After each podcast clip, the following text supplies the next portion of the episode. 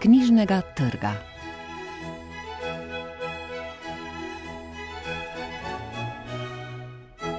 Dobr dan, v današnji oddaji nas čakajo pesniška zbirka Uroša Zupana, Psica in poletje, romana Irene Svetek, Beli Vovk in Tine Vrščaj na klancu in zbornik razprav Staroverstvo v Sloveniji med religijo in znanostjo. Recenzije so napisali Ana Henkok, Katarina Mahnič, Katja Šivkovič in Istok Ilih.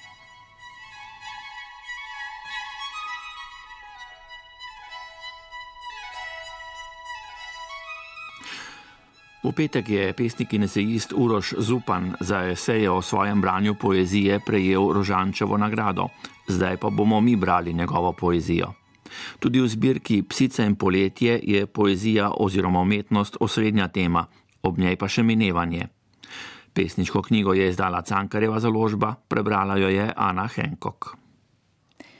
Pesniška zbirka Uroša Zupana, Psica in poletje se začne s Handkejevim odlomkom in tudi številne druge pesmi iz te zbirke se začenjajo s citati klasikov zahodnega kanona. Odlomki tako postanejo nekakšni moti, ki usmerjajo tisto, kar bo sledilo. In tako že na začetku slutimo, da bosta poglavitni temi minevanje in umetnost kot vrhoven poskus osmišljanja in ovekovečanja minevanja. Ali z zupanovimi besedami: Neprestano potujemo proti sedanjosti. Za sabo puščamo do stropa natlačene starinarnice, svetle dneve, stisnjene med liste papirja, kakor posušene rastline v herbarije, in temne, ki s koščenimi členki prstov včasih trkajo po pokrovih iz notranjosti krst. A zdi se, da izpod te deklarativne možnosti venomer sili tesnoba, ki nas opominja, da to ostaja le poskus. Umetnost pa ni le poskus zaustavitve minevanja, ampak tudi hvalnica to svetnemu, med človeškim odnosom, živalim, naravi. Poraja se vprašanje, ali ni največja sreča povsem zliti se s svetom, tako da izgine vsakršna distanca med njim in nami. Urož Zupan to pripisuje svoji psički. In včasih počivaš v senci pod drevesom, obdana s svetom, ki je samo zate in mogoče tudi malo zame, popolnoma negiben.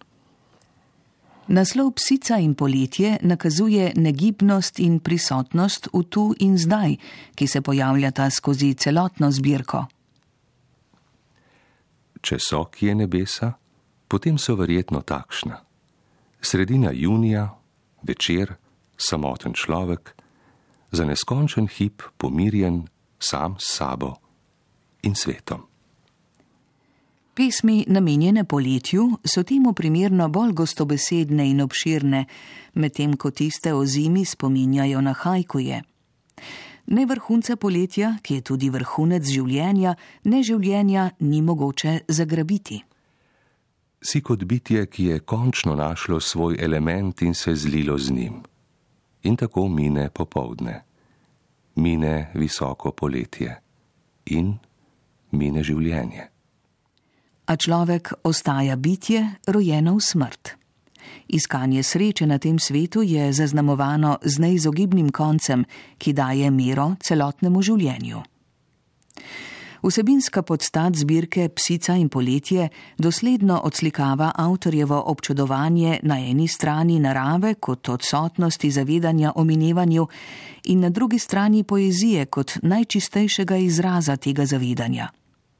Na oblikovni ravni pa so pesmi raznovrstne, pesmi so kratke impresije, najdemo pa tudi pesmi v prozi. Kljub kopici medbesedilnih navezav in pesnikovemu enciklopedičnemu znanju je jezik namerno jasen in razumljiv. Razumljiv kot let ptic, piše avtor, saj vsi detektivi skritih pomenov hirajo na soncu. Urož Zupan najdeva sogovorce v klasikih literature in glasbe 20. stoletja. Mnoge pesmi so v celoti posvečene njim. A ko govori o njih, hkrati govori tudi o sebi. Za nekatere pesmi se zdi, da lebdijo v brezčasju, drugot je družbeni kontekst jasno navzoč. Vse bolj pa avtorja preganja minevanje. Zdaj je čas sestavljen iz samih pospeškov in podvržen nenehnemu krčenju, in ne vem, koliko mi ga še ostaja.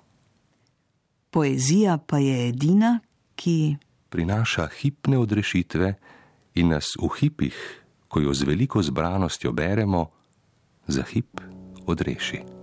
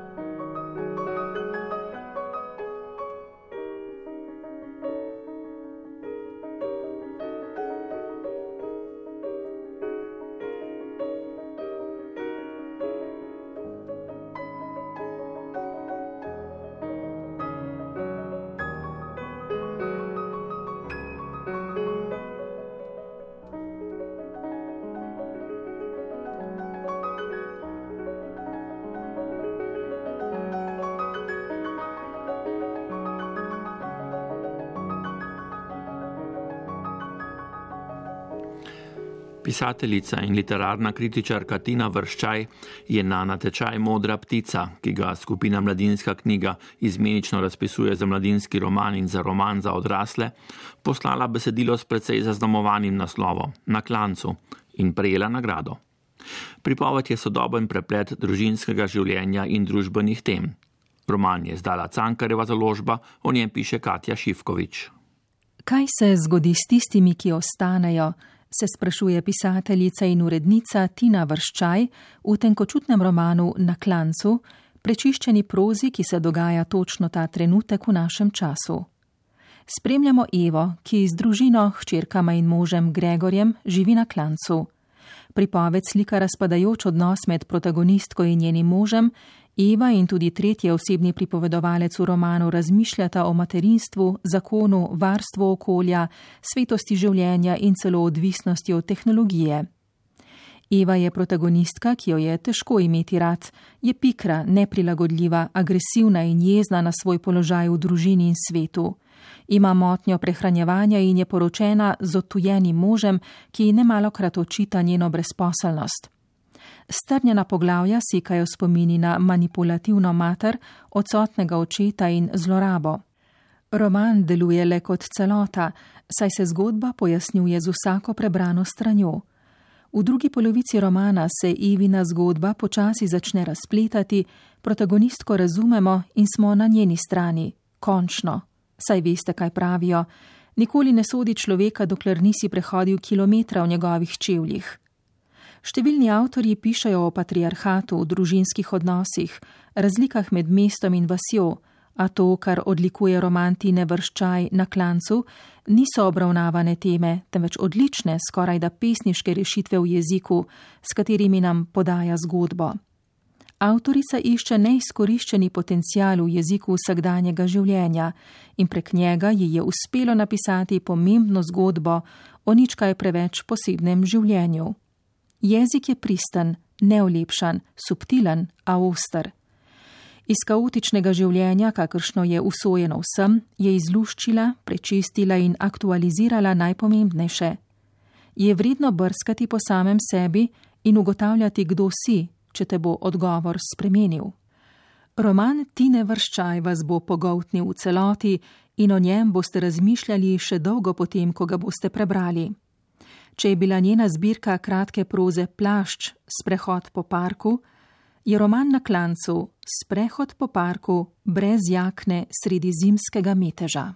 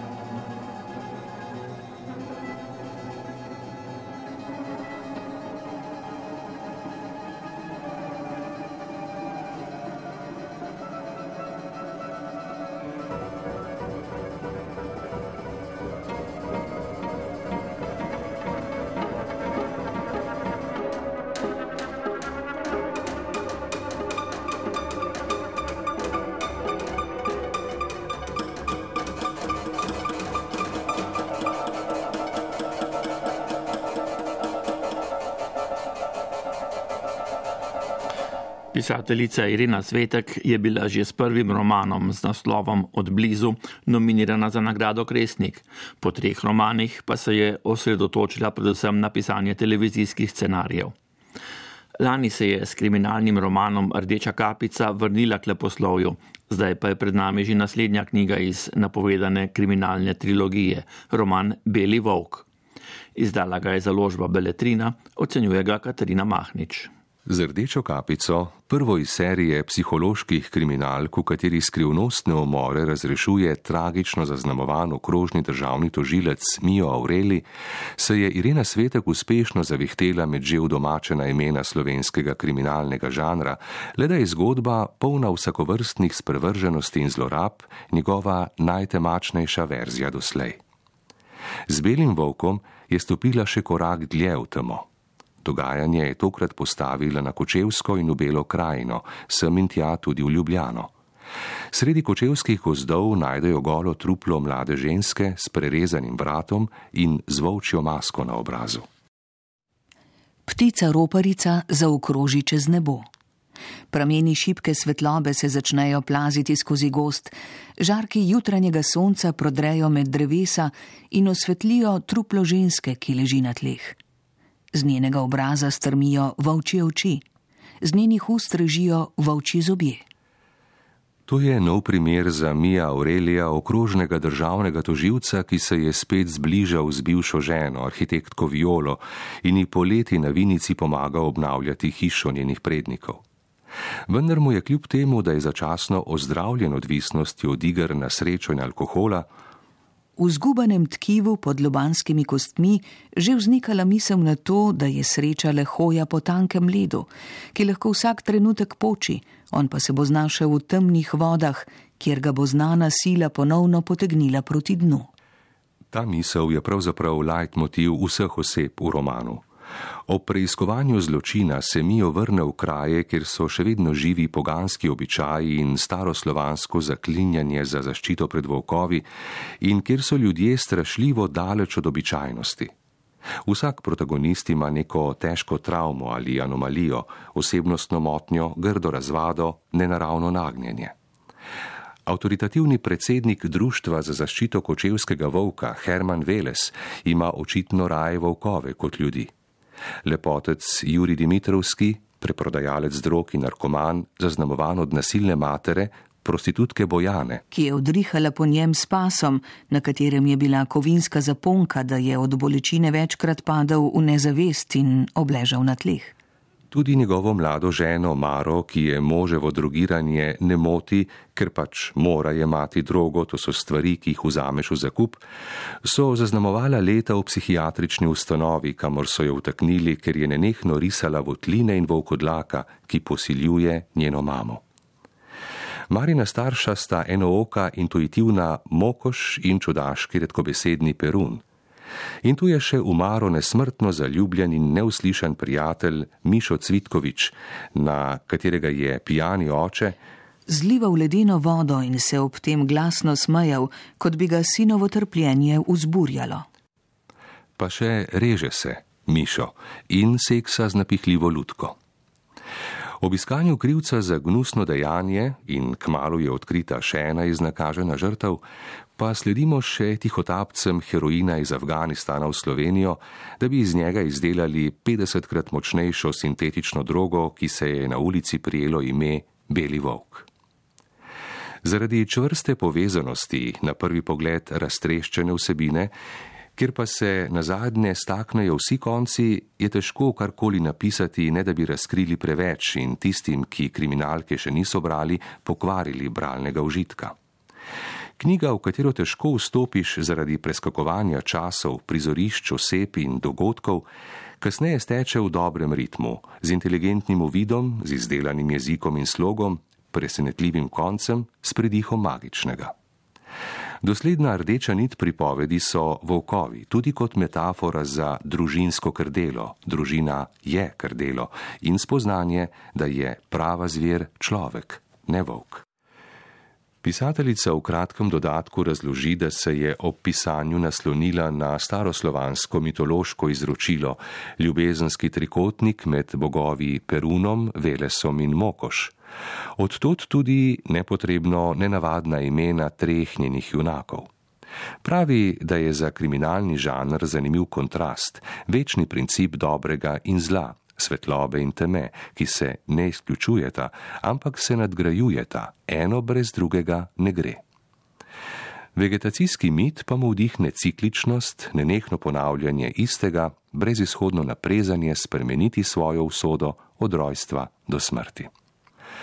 Po pisateljski in raziskovalni plati je to obrtniško odlično opravljeno delo.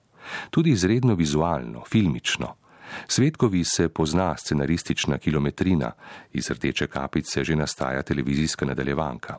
Po drugi strani pa je Beli volk izredno hladna, surova, preračunljivo napisana knjiga, v kateri tema absolutno premaga svetlobo, kot da se je pisateljica vse čas pretirano trudila pisati stvari, ki bi bralca šokirale.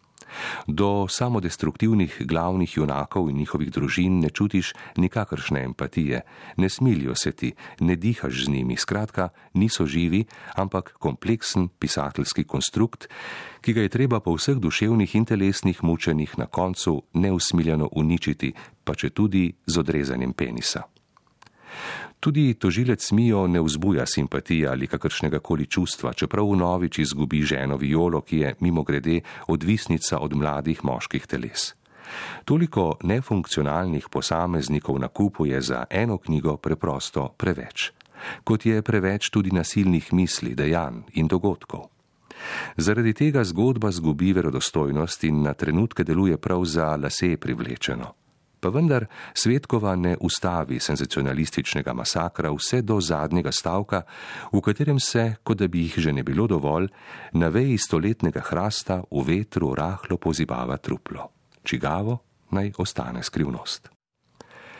Pisanje Irene Svetek me je spomnilo na ameriško pisateljico Gillian Flynn, ki se v svojih kriminalnih uspešnicah nije več in ostrina, prav tako že na meji znosnega loteva patoloških medosebnih, predvsem družinskih odnosov.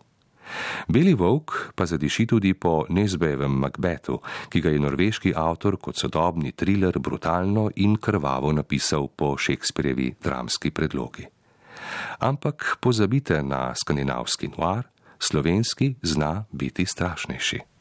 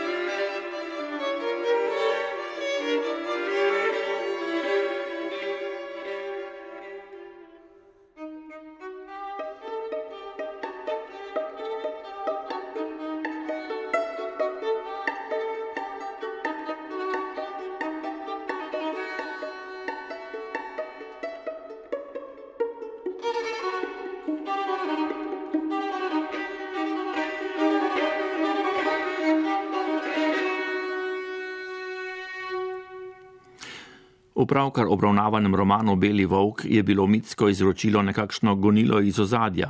V središču pozornosti pa je v znanstvenem zborniku z naslovom Staroverstvo v Sloveniji med religijo in znanostjo. Zbornik razprav o tematiki, pri kateri gotovo primankuje oprijemljivih dejstev, sta uredili Saša Babič in Mateja Belak. Izdala ga je založba ZRC. V njem piše Istok Ilih. Vprašanje staroverstva na slovenskem se je v zadnjih desetih letih po knjigah Borisa Čoka Vsi v mesečine in Pavla Medveščka iz nevidne strani neba in po veliki razstavi v Goriškem muzeju ter vrsti polemik večkrat znašlo v ospredju pozornosti strokovne in širše javnosti. Zbornik Staroverstvo v Sloveniji med religijo in znanostjo že v naslovu nakazuje, da nesoglasja še zdaleč niso razčiščena niti na najosnovnejši ravni ne. Ali gre za soočanje z ostanki skrivnega verovanja na zahodnem robu slovenskega ozemlja, ali za sicer zanimive ugotovitve, ki pa zahtevajo še temeljito znanstveno preučevanje, ali morda le za konstrukt utemeljen na nepreverjenih ali celo potvorjenih in izmišljenih pričevanjih in dokazih.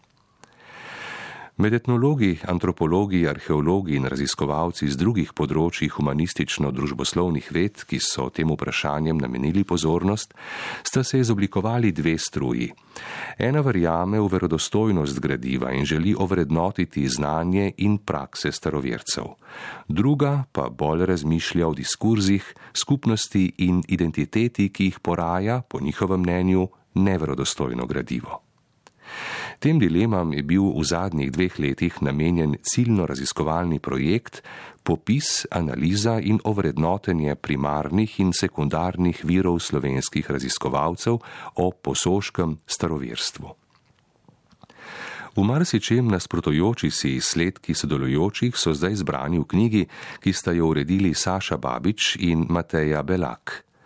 Namen avtorjev Katje Hrobat Virlože, Matjaža Bizjaka, Cirile Toplak, Lenarta Škofa, Miha Miheliča in Andreja Pleterskega ni bil potrditev ali vnaprejšnje zanikanje pristnosti virov zgodb, znan in svetišč, marveč njihovo kritično ovrednotenje in umestitev v zgodovinski, prostorski in družbeni kontekst. Poleg tega so, kot pripominjata urednici, iskali potencial, ki ga tako gradivo ima, in prek pozitivne naklonjenosti nizali spoznanja in predvidevanja o veri v naravo in njeno moč da ne bi ostalo le pri njihovih znanstvenih sodbah in dvomih, so v dodatku prepustili prostor tudi za objavo gradiva, v katerem Rudi Čop in Franz Šturm poskušata na podlagi meritev aplikativno dokazati znanje staroverske družbe in s tem eksplicitno izkazati popolno prepričanost v tako imenovani staroverski sistem. Do verodostojnosti medveščkovih virov zadržana etnologinja Katja Hrobat Virlože polemizira s posameznimi raziskovalci z obeh strani. Povdarja, da je vsakršno etnografsko gradivo treba jemati s kritično distanco in ugotavlja, da je prav razdeljenost med etnologi, ki širši javnosti ne ponujejo spremljivih napotkov za sprejemanje gradiva v starovercih, pripeljala do laičnih raziskovanj in s tem tudi do strampoti. Med drugim navaja vrsto analogij med medveščkovimi zapisi o starovercih in tradicijskimi verovanji, zlasti o čaščenju babe, arhajičnega mitskega bitja, na katere je tudi sama naletela na krasu in drugot. Zgodovinar Matjaš Bizjak dodaja oris poselitvene zgodovine srednjega posočja, poglavitnega območja raziskovanja staroverstva na slovenskem. Politologinja Cirila Toplak, ki zaupa verodostojnosti medveščkovih naved, pa se na to posebej opredeljuje do besednih zvez posoško staroverstvo oziroma zahodno-slovensko naravoverstvo. Filozof Lenard Škof v eseju Elementi slovenske prvotne religije primerja medveščkovo poročilo in interpretacijo staroverstva v knjigi Iz nevidne strani neba s sodobnimi teorijami domorodnih religij. Specifično versko okolje slovenske avtohtone religije, ki ga v zgodovinski povesti umirajoči bog Triglav po svojo upodablja tudi France Belk, pa na to predstavi kot elementarno religijo in teologijo narave. Arheolog Miha Mihelič se v nadaljevanju posveča verovanju v boga Belina, sorodnega Belenu iz keltskega panteona in v magično zdravilno moč ključa svetega Belina. V njem vidi srednjeveško-novoveško spajanje krščanskih in staroverskih iz prazgodovine izvirajočih elementov, ki so bili vsaj v začetku 20. stoletja še živi v ustnem izročilu Zahodne Slovenije. Največ prostora z uvodnim zapisom kratko o knjigi in sklepno razpravo Verovanje host v sklopu staroverstva na slovenskem in verovanja starih slovanov je pripadlo arheologu, etnologu in zgodovinarju Andreju Pleterskemu, avtorju spremne študije o medveščkovi ključni knjigi iz leta 2015. Tukaj dopolnjuje nekatere takratne ugotovitve. Znova opozarja na pogosto protislovne izjave medveščkovih sogovornikov in med drugim posebej pojasnjuje pomen host, političnih skupnosti s svojim družbenim redom, ki vključuje izvajanje avtoritete hostarjev tudi s prisilo, kot vzpostavljanje in vzdrževanje sodelovanja navznotr in neodvisnosti navzven. Opozarja tudi na pomen tročanov, najpogosteje s kamni vzpostavljenih trikotnikov svetih mest, katerih učinka staroverci niso znali pojasniti, so ga pa poznali. Tako postane jasno, še piše Pleterski, zakaj so ljudje tako ustrajno spravljali v obup tiste krščanske duhovnike, ki niso mogli razumeti, kaj ljudem sveta mesta pomenijo in so bili prepričani, da gre za nagajanje hudiča. Če razumemo staroverstvo, sklene, razumemo čas in način življenja, v katerem sta bili religija in znanost še eno in isto.